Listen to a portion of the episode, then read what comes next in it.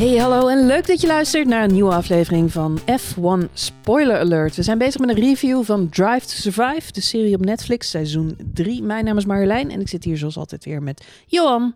Buongiorno. Buongiorno. Buongiorno. Wat een mooie aflevering. Wat een heerlijke aflevering. Ik ben blij dat ik mijn, mijn traditionele rode microfoonplopkap weer eh, onder mijn neus heb zitten. Heb ja. je hem wel goed omzitten? ja, ik heb hem niet op zijn kop zitten. Nee. Goed zo, goed zo. Filter heb is ik belangrijk dat filter de heb ik ook omgedraaid. prancing horse altijd recht omhoog staat. Serre Ferrari moet altijd eh, goed, goed te lezen zijn. Nou, in dit geval had Stef hem waarschijnlijk op zijn kop staan dat hij het zelf wilde lezen. Om zichzelf te overtuigen misschien. Geloof ik er nog in? Ik weet niet waar ik beginnen moet. Wat, wat vond jij? Eh, nou, ik geniet. Voorop stellen van waarom vind ik het een leuke aflevering. Ik geniet heel erg van, eh, eh, van afleveringen waar het om de tiny little details gaat. De Ja. kleine, kleine dingetjes die opvallen waarvan je denkt, oeh, ah, oeh. En daar zat deze aflevering vol mee. En het was een zeldzaam kijkje achter de schermen bij Ferrari. Het is waar we al Ja. Twee, drie jaar lang over gossipen. Waarvan we denken, zo gaat het volgens mij. En die sfeer is denk ik niet goed. En ik denk dat ze veel te tight en ouderwets zijn bij Ferrari. En dan zie je deze aflevering en denk je, zie je wel, dit is precies het probleem. Het Dit- was The Real Housewives of Maranello. nou ja, Nou ja. ja. Het is gewoon een heel traditioneel team. En het is ook, en dat, kijk, het is niet allemaal kommer en kwel. Ze brengen mooi in beeld. Ik kan me die show in Florence nog goed herinneren op social media. Ze Vooral met die andere muziek eronder. Maar goed, ja. afgemaakt. Ja. Ja. Ja, maar eh, let wel, voor iedereen die deze show luistert en net als ik heel graag op vakantie gaat naar Italië. Het is gewoon een land van tradities En passie. en passie en, en, en, en sportbeleving en, en, en in heel veel opzichten een, een tikkie traditioneel. Mhm. En nou, dat zie je gewoon in alles terug. Het moet op een bepaalde manier, daar staan ze voor. Daarnaast, het is eh, zoals ehm, Horner in de aflevering ook zegt, een van de bekendste wereld, eh, eh, merken ter wereld. Ja. Nou, als je één ding weet van merken, en ik heb in mijn carrière een aantal keer bij hele mooie merken mogen werken, maar daar zijn de huisstijlregels altijd super, super streng. Je krijgt daar inderdaad geen vrijheid. Nou, en dat zie je goed terug in deze aflevering. Er is, er is weinig ruimte voor, voor interpretatie. Als je zegt, Red Bull is een beetje het, het MTV van, eh, van de grid. dat, Mhm. eh, of, het, of het Google. eh, Google en MTV, dat zijn van die bedrijven die hadden altijd een ander logo. Weet je, dat zag er elke keer anders uit. Het kon ineens Ja. koeienvlekken hebben, of het kon een eh, tekeningetje zijn. Of, maar dat Maar dat, mocht. is- dat was de hele filosofie achter het merk. Dat is de hele filosofie achter het merk. Ja. En dat- dat is jeugdig en energiek en et cetera. Nou, neem het tegenovergestelde. En dat is Ferrari. En dat zie je in deze aflevering. Ik denk, ik denk wel het leuke is, is eh, ik, ik, op voorhand heb ik me heel erg, ehm, eh, heb ik heel erg uitgekeken naar deze aflevering. En dat klinkt heel naar, omdat het ehm, met de, met, in, in retrospect is het eh, alsof ik nu zeg dat ik uitkeek naar leedvermaak. Want je wist natuurlijk dat het een heel slecht seizoen was. Leedvermaak is het beste vermaak. Ook leedvermaak valt onder vermaak inderdaad. Ook dat is vermaak. Maar dan nog, ehm, eh, je wenst het natuurlijk niet. Dat, het, is niet voor niemand leuk als een team compleet ontmanteld wordt. Laten we dat voorop stellen. Of dat het helemaal een stuk ge- ge- geproduceerd wordt in een verhaal wat bedacht wordt. Maar ik was wel benieuwd naar precies wat jij zegt. Eigenlijk de, de, het, het, unfolden van dat dramaseizoen van Ferrari. Ehm, met, ik denk, de piek voor iedereen. De ultimate fuck you van eh, Sebastian Vettel eh, eh, op Mugello. Op dat feestweekend in Firenze. Als een navolging daarop, zeg maar. Ik denk dat ik, ik heb heel erg uitgekeken die, naar die aflevering. En in alle aspecten heeft hij voldaan in wat ik ervan verwacht had. En dat weet je, dat is toch kudo's aan, aan, de, eh, aan de producenten. Eh, de manier waarop het verhaal verteld werd en hoe het, hoe het uitgeplot werd. Ik vond het zelfs met iemand die het seizoen zo nauw gevolgd heeft. Hè, we hebben samen natuurlijk erbovenop gezeten eh, eh, op het Formule 1 seizoen vorig jaar. Dan nog is het heerlijk om te kijken. En dan bedoel ik niet het feit dat er, dat er mensen eh, eh, eh, niet presteren en dat is een team. Maar gewoon hoe het verhaal gebracht is, de, de ontwikkelingen. Ik vond het echt een van de leukste afleveringen tot nu toe. Ja, het waren er al vier. Dus Wat, wat was voor jou het meest opvallende momentje uit deze aflevering? ik denk alle momenten waarin Seb Vettel in beeld was. en zeker de momenten waarop Seb Vettel onder de, de klep van zijn pet... Eigenlijk de, de, de spaarzame ruimte die Seb Vettel had... tussen de rand van zijn mondmasker en de klep van zijn pet.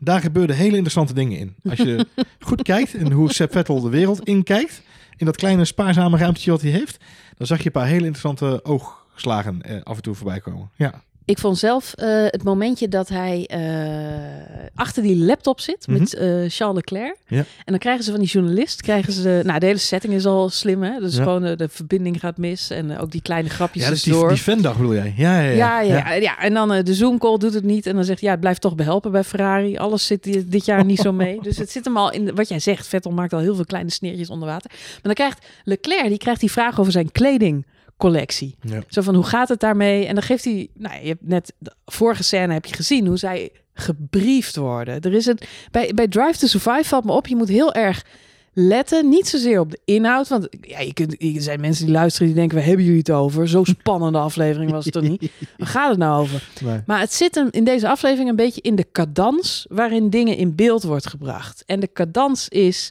dat je elke keer weer die persdame ziet terugkomen. Die persdame die als een havik op dat merk zit.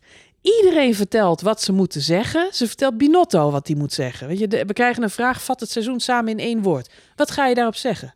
Waarop Binotto zegt, wat is, wat is je suggestie? Wat ze, nou, dan heeft ze de hele riedel al klaar. Weet je, het is niet eens een Ik pak- echte vraag aan Binotto. Ik, ik pak mijn woordenboekje er even bij. Ja. Ik wou net zeggen, ze heeft hem al lang uitbedacht. En, eh, en je merkt ook dat al die mannen om haar heen, die hebben zoiets van, nou, kom maar door. Ja. Laat maar horen. Laat Wat heb je voor me bedacht? Wat moet Wat ik moet doen? ik nu weer Ja. gaan zeggen? Je hoort het ook terug. En op een gegeven moment krijgen Vettel en Leclerc allebei dezelfde vraag. Ze geven allebei exact hetzelfde antwoord. Ja. Er zit geen variatie in, omdat ze allemaal gemedia hersenspoeld zijn door die dame, die ze alles heeft ingefluisterd wat ze wel en niet mogen.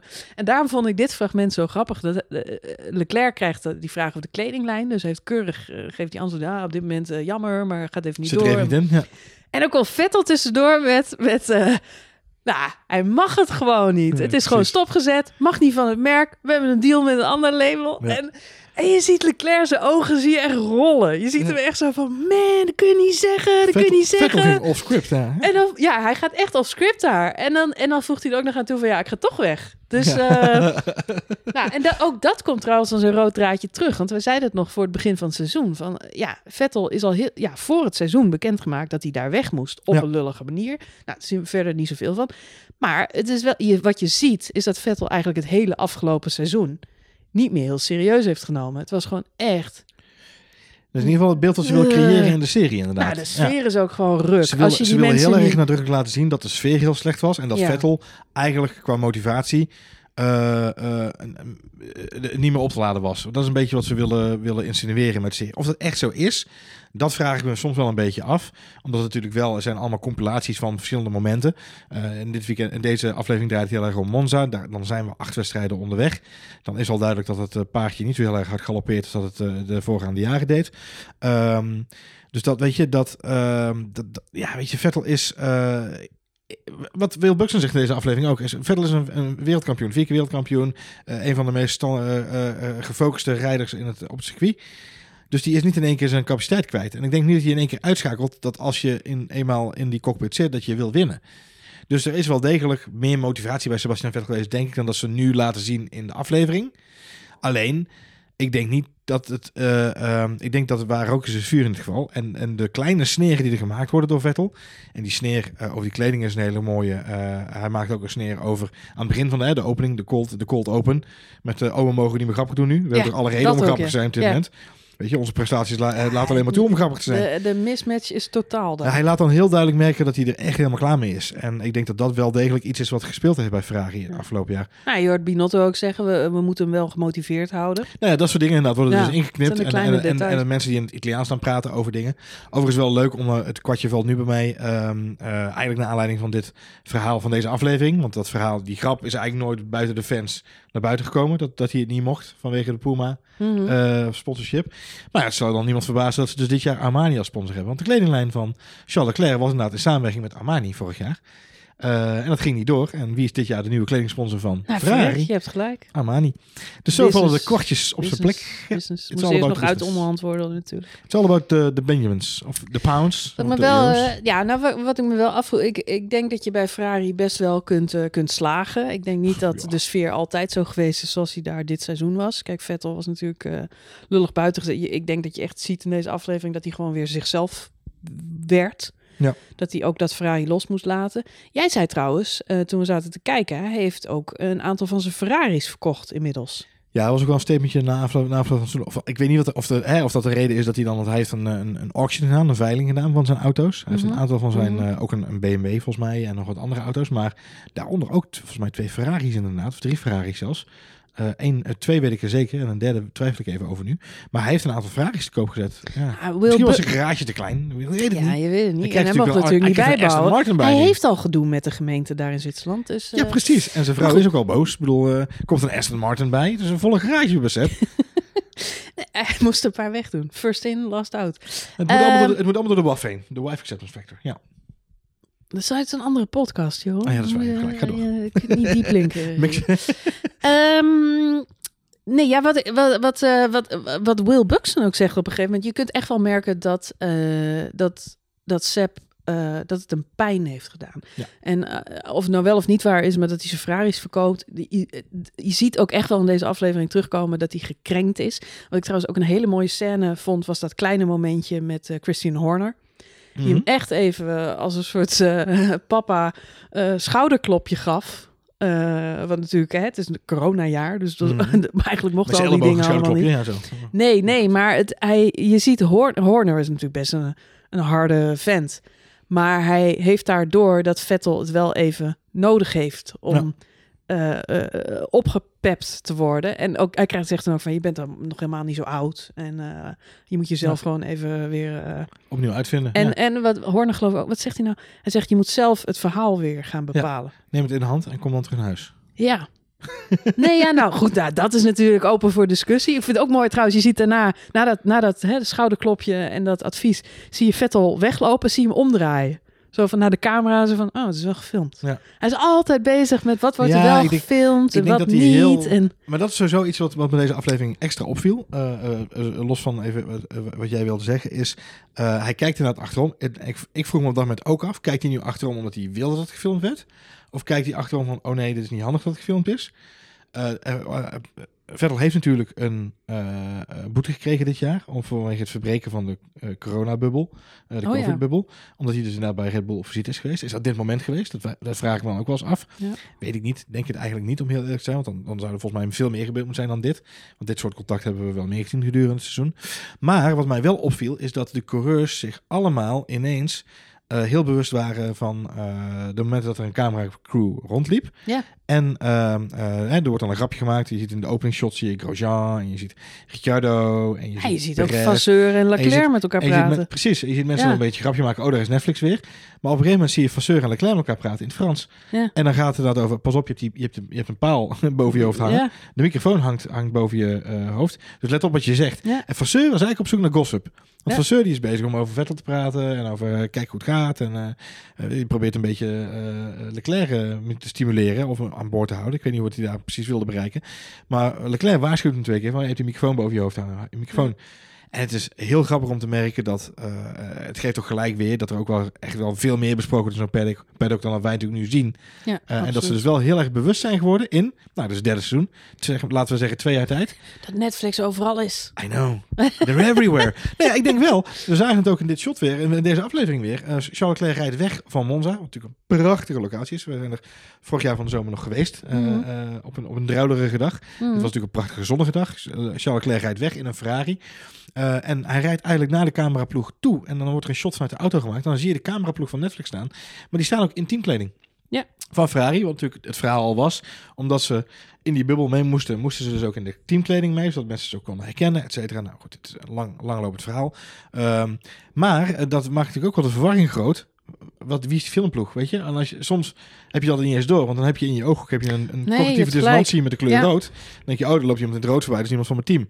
Maar dat kan zomaar iemand zijn met een camera, in met een camera op zijn nek. En nou, die camera zie je dan wel. En een microfoon. Je bedoelt, eh, het is een bewuste keuze van Netflix waarschijnlijk ook om, eh, nou ja, de, eh, het zal vanuit de teams opgelegd zijn, maar ik denk dat het Netflix heel erg eh, in de hand speelt, doordat ze eigenlijk minder opvallend ik kunnen denk, opereren. ik denk dat het productiemaatschappij in de hand gespeeld heeft. Ik denk Ja. wel dat het ehm, op de een of andere manier de teams dus nog bewust heeft gemaakt van het feit dat ze extra scherp moesten zijn op wat ze gingen zeggen. En Vasseur maakte grap, "Ja, we hebben allemaal mondkapjes voor, dus we kunnen zeggen wat we willen. Ik denk, ja, weet je, en dat is, het geeft een beetje aan dat ze wel degelijk zich bewust zijn geweest, deze Ja. hele opnameperiode.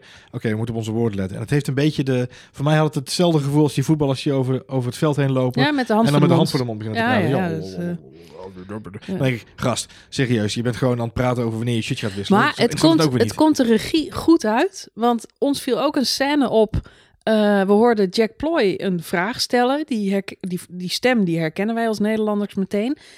En we zien vervolgens Vettel ehm, voor, de voor de microfoon van Sky News staan. Antwoorden, ja. Ja, en we zien dan wel zijn mondkapje bewegen. Maar Ja. waarschijnlijk is dat gewoon een hele, heel ander fragment. Is dat op een ander moment zijn, gefilmd. zijn twee En het maakt niet uit, want je hoeft niet te lipzinken. Het zijn, zijn, twee mogelijke scenario's. Eén, ze hebben gekozen voor een heel ander antwoord op een hele andere vraag. En die hebben ze onder de vraag van Precies. Jack Ploy gemonteerd. Of ze hebben ervoor gekozen om wel het antwoord van Jack Ploy te monteren. Maar onder een ander beeld van Vettel. Omdat we zijn mond toch niet kunnen lezen. Het is een hele rare keuze. Maar het is in ieder geval heel vreemd. Omdat je, het geeft me aan. Ja, dat ze heel Leclerc, creatief mixen en matchen. Iets wat natuurlijk is- Max Verstappen al een tijdje Ja. geleden zei. Dat hij ook zei van joh, ik heb iets gezegd in, eh, eh, in Barcelona tijdens de wintertest. En dat werd pas afgespeeld in Oostenrijk. Weet je Ja. wel? Dat werd dan daar onder een of ander fragment gemonteerd. En dat zie je dus, weet je, dat is de storytelling eh, die ze willen doen. Ja. Die overigens in deze aflevering wat mij betreft prima werkte. Ja, precies. En er zullen, er zullen mensen zijn van, ja, jij zei het ook, van gaan we nou nu al Monza doen? Hoe gaan ze dat doen? Ja. Maar ja, dat, dat is natuurlijk wel typisch Drive to Survive. Want voor iedereen die denkt, nou hebben we de overwinning van Gasly gemist. nee hoor. dat gaan ze niet laten gebeuren. Want die, die zien we echt nog wel op later moment eh, terugkomen. Dus wel Ja. typisch voor Ja, we zijn nu van Rusland weer teruggegaan naar Monza. Dus we, zijn, we waren in oktober in Rusland en nu zijn we weer in, eh, in, op Monza in september. Dus we zijn, we zijn al van Oh, ja. want de, de, de, de Naked Bottas episode hiervoor. back and forth. Hey, nog even een klein dingetje over, voordat we afronden, maar klein dingetje over Charles Leclerc. We zagen in de aflevering nog even langskomen dat hij natuurlijk bijgetekend heeft eh, bij eh, Ferrari. Ja, En toen zat ik me wel, eh, je krijgt natuurlijk, het gaat niet alleen over Vettel. Vettel natuurlijk ja, trotse coureur. Het, in de, het sluit af met dat hij natuurlijk bij, eh, bij Aston Martin volgend jaar tekent. Dat doet hij op een mooi moment. Dat is echt de, de punch in de face die hij aan het eind van de aflevering uitdeelt. het is de ultieme marketing tip, Marjolein. Timing is everything. Timing is everything. Dus hij haalt zijn redemption. Ik denk dat dat ook de arc van deze, van deze aflevering is. Maar tussen dat hele verhaaltje door hebben we ook nog het personage Charles Leclerc. Het personage Het Charles Leclerc. personage Charles Leclerc. Die natuurlijk ook een, eh, een rood draadje. Jij noemt net al van hè, die scène met Vasseur. We zien hem ook een beetje gossipen. Hij vertelt heel obligaat een aantal keer van hoe fantastisch het is om voor Ferrari te rijden. Er zijn ook heel veel momenten dat deze aflevering een beetje inkakt. En dat je in je hoofd een beetje uitzoont. Omdat je denkt, ja, ja, ja, die praatjes die kennen we wel. Iedere coureur wil bij Ferrari rijden. Allemaal mooi, mooi, mooi, mooi, mooi. Maar wat ik me wel afvroeg, vijf jaar bijgetekend. Mhm. Het is een hele jonge gast nog. Hij is super ambitieus. Hij heeft natuurlijk ook echt wel hard gereden. We zien hem nog wel eh, ja, hard crashen. Omdat hij die auto eigenlijk ook heel erg met moeite op de baan houdt. Ja. Wat ik me wel afvroeg, voor zijn carrière, voor hem persoonlijk. Is dit nou de beste keuze geweest? Eén, om vijf jaar bij Ferrari te tekenen. Weet je wel, gaan zij weer opkrabbelen uit, eh, uit, Mhm. uit dit dal, wat het nu is. Wat ik me ook begon af te vragen, ze hebben nu Sainz erbij. Ik zat ineens te denken, hadden zij niet veel beter Ricciardo kunnen tekenen? En die kwam natuurlijk daarna vrij. Dus ze hadden ook de, eh, voor die andere coureur kunnen, kunnen kiezen, als die blijkbaar ook op de markt was. Eh, omdat Ricciardo misschien toch net, maar ja, die zal misschien te gretig zijn. Die die had met Max natuurlijk ook akkefietjes. Misschien verwachten ze dat Ja. Sainz een rustiger coureur is. Ik denk, ik denk dat ze echt een inschattingsfout gemaakt hebben bij Ferrari. Dat ze denken dat ze een, een rustigere tweede coureur erbij gehaald hebben. In de vorm Ja. van Carlos Sainz. Ik denk niet dat dat gaat gebeuren. Dus ik denk dat ze eh, zichzelf hebben eh, een, een, een eigen graf hebben gegraven. Om zo maar even te zeggen. Ik denk niet dat het een negatief graf is. Maar ik denk wel dat ze zich vergist hebben in de impact die het gaat hebben. Dat Carlos Sainz met zijn managementgevolg en alle politieke kracht die achter Carlos Sainz zich bevindt. Los van alle roddels die wel eens niet waar zijn binnen de Sainz-familie. Maar het is wel een, het, er komt wel een massa binnen met, met Carlos Sainz. Het is niet Lando Norris die tekent voor Ferrari. Het is Carlos Sainz die ook bij Toro Rosso en Red Bull eh, gewoon een naam was. En die bij McLaren eh, heeft, en Renault heeft laten zien wat die waard is. Ehm, en dat, ik denk dat ze dat willen voorkomen. Dus Ricciardo hebben ze dat willen voorkomen. En nu hebben ze dat nog in huis gehaald, ben ik bang. Ja, nou ja, ik zat, ik zat er gewoon nog over na te denken. Dat ik denk van ja, voor Charles Leclerc en ook voor zijn persoonlijke ontwikkeling. Hè? Als je Ja, voor- vijf jaar getekend Ja, maar voor hebt. hem zelf is het niet meer dan Vijf logisch. jaar. Jawel, maar eh, eh, luister, Max Verstappen zit ook nog tot 2023 vast bij eh, Red Bull. En dan heeft hij ook vanaf zijn 17e tot zijn 25e bij Red Bull gereden. Dus dat is, dat is ook gewoon een hele flinke, flinke periode. En hij heeft gewoon geredeneerd, ik kan nergens anders heen de komende periode. Want ehm, ik kan niet naar Mercedes, ik kan niet naar Red Bull. Want daar zitten mensen die net zo goed zijn als ik en die zitten daar nog wel een aantal jaren. Dus ik kan nu kiezen voor zekerheid voor mijn carrière bij het derde team in principe op papier. Hm. Of het nou, en de, de volgorde van die teams, 1, 2, 3, Mhm. ja, die is de afgelopen decennia een beetje on- husseltje, husseltje. Hm. Maar dit zijn in principe de drie topteams. Eh, Hm. En McLaren is een, is een eh, outsider dit seizoen. Eh, en hetzelfde geldt voor Aston Martin misschien wel. Maar hij heeft in principe gekozen om bij, eh, op papier, een van de top drie teams, zichzelf te verankeren. En ik denk dat dat best wel een slimme move is onderaan de streep. Je weet nooit wat de, de silly season gaat brengen in 2022 als Hamilton vrijkomt, als Bottas vrijkomt en als Max Verstappen een clausule in zijn contract heeft. Waardoor hij weg mag. Eventueel. Al Ja. niet. De rol die daaruit gaat. Dus ja, weet je, het is, het is, het is een zekerheidje kiezen. Onderaan de streep voor hem. Ja, het is een zekerheidje kiezen, maar ik zat me ook wel af te vragen. Kijk, je krijgt toch ook een beetje het beeld van Charles Leclerc, de levensgenieter, of liever gezegd de jonge, hippe millennial. De bon die vivant. Veel op zijn telefoontje zit, eh, uit Monaco komt, eh, Ferrari-deal eigenlijk in zijn schoot geworpen krijgt, zich eh, de komende jaren van zijn leven niet heel veel zorgen meer hoeft te maken, behalve dat hij lekker snel moet racen. Ja, hoe hard heb je er dan voor gewerkt? En Maar ja, hoe- hoeveel, hoeveel ambitie komt daar dan uit voort? Ja, nou ja, ik zat Ja. meer te denken van Pierre Gasly, daar gaan we hopelijk nog zien wat daarmee gebeurt. Ehm, ja, van, van tegenslag word je vaak wel beter. Eh, niet allemaal, geldt niet voor alle coureurs. En, en, en Charles Leclerc heeft natuurlijk ook nu zijn tegenslag met een belabberd slechte auto. Ja, en die heeft Zo dus bedoel ik het niet, is maar- al genoeg ruggengraat gebouwd inderdaad. Met eh, de persoonlijke tegenslagen die hij heeft gehad. Nee, Dus- absoluut, maar hij heeft wel een vijfjarige deal in zijn kontzak. Dus hij, maar jij bedoelt dat hij lui kan worden nu? bedoel Ja. ja. ja, misschien. En. Gasly, die moet, en Albon, en, en eigenlijk iedereen in de Formule 1, die moet elke dag van zijn leven vechten voor wat hij waard is. Ja. En zelfs Max, je kunt zeggen hij zit vast bij Red Bull. Maar als Red Bull het niet wordt, dan moet hij nog steeds zorgen dat hij bij Mercedes hoog op het lijstje staat. Ja, ja. Of wie het dan ook is, of dus om- McLaren. Maar- Dat dus- iedereen hem wel wil hebben, omdat hij elke dag de meest talentvolle coureur is. Charles. Leclerc kan het één op dit moment niet laten zien. Twee, hij zit vijf jaar vast. Dus hij is eigenlijk voor niemand een waardevolle asset. Ja, ik weet niet of het... vi- Vier jaar nu nog, hè? Dus hij heeft tot 2024 nu verlengd, als ik me niet fris. Dus Ja, en hoeveel, en hoeveel leert hij ervan? En hij is nu ook zijn viervoudig wereldkampioen teamgenoot kwijt. Nou had hij daar al niet zo heel erg veel aan. Want zeggen, ik dat denk was- niet dat Vettel de meest... Dat is geen collegiaal. love, zeg maar. Nee, nee. Precies. Maar goed, ja, nou ja, ik weet niet of het voor zijn persoonlijke learning curve is. Maar goed, dat willen jonge mensen toch allemaal niet horen. Dus, dus dat maakt ja. ook niet zoveel uit. Ik weet niet, kijk, voor Ferrari zelf, ik denk dat Ferrari wel de goede keuze heeft gemaakt als ze twee jonge ambitieuze coureurs hebben genomen. Dus voor Ferrari's, voor Ferrari's eh, eh, repertoire, of voor Ja, Ferrari's geschiedenis, zeker iets nieuws. ongekend en Ja. iets nieuws. En ik denk dat dat heel erg goed kan uitpakken. Ik gun het Carlos Sainz ook heel erg om gewoon bij een absoluut topteam te, rij- te rijden en te laten zien wat hij daar kan. Dus ik, ik hoop daadwerkelijk, ondanks het feit dat we naar een, naar een soort van comedy capers eh, in, in dramavorm hebben zitten kijken de afgelopen 30 minuten, 40 minuten, hoop ik echt voor Carlos Sainz en voor Charles Leclerc dat 2022 voor hun, wat ze dan zelf denken dat 2022 het omkeerseizoen wordt. Maar ik, ik help het ze hopen, want ik zou niks leuker vinden als een titelgevecht waarin eh, Charles Leclerc en Carlos Sainz het gevecht aan moeten gaan met Max Verstappen en Lewis Hamilton. En fingers crossed, een George Russell ook op een bepaald niveau.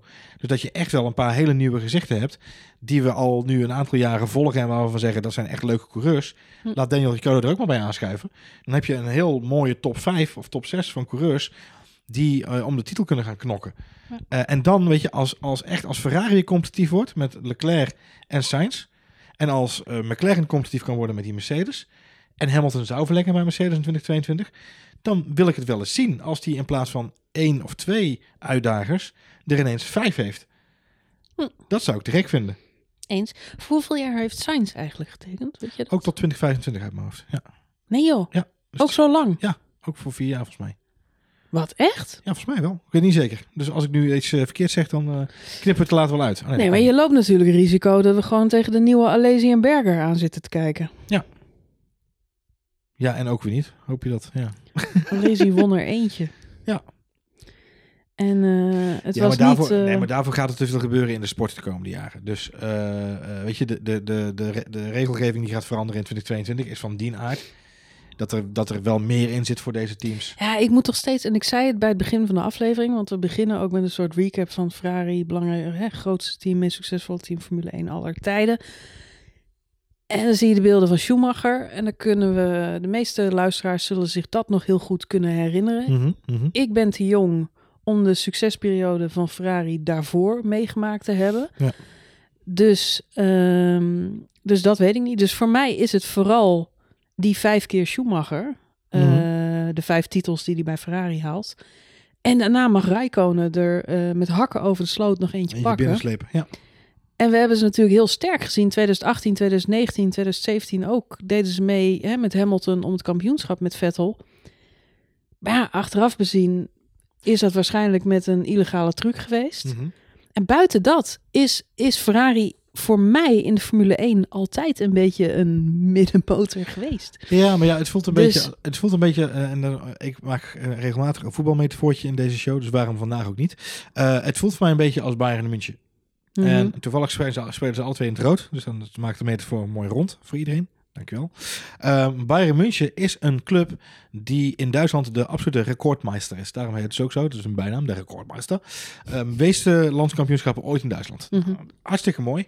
Ze hebben ook Europees een heleboel successen gehad altijd. Alleen er is een hele grote lange periode geweest waarin Bayern München hm, hakken over de sloot. Kwartfinale, halve finale, misschien een keertje. Maar in Europa eigenlijk altijd een beetje zo. In die eerste kruisfinales eruit gebonjourd werd. Hm. En niet echt een rol meer speelde om de kampioenschappen. Eh, de afgelopen drie, vier jaar, vijf jaar... Zijn ze weer een, zijn, spelen ze echt weer een rol van betekenis op Europees niveau. En zijn ze ook weer een topploeg. En zit iedereen weer als het grote Bayern München. Eh, en, en hebben we het ook weer over eh, een mogelijke Champions League finales voor ze. En dus elke, eh, elke legendarische club, of in dit geval eh, autosportteam, heeft zo zijn ups en zijn downs. En Ferrari is er al 70 jaar bij, dat we dit Formule 1 noemen. Ze zijn ook het enige team wat er in die hoedanigheid al 70 jaar bij is. Dus zij hebben al die ups en downs. En die ups komen hopelijk vanzelf weer. Eens. Eens. Mooi.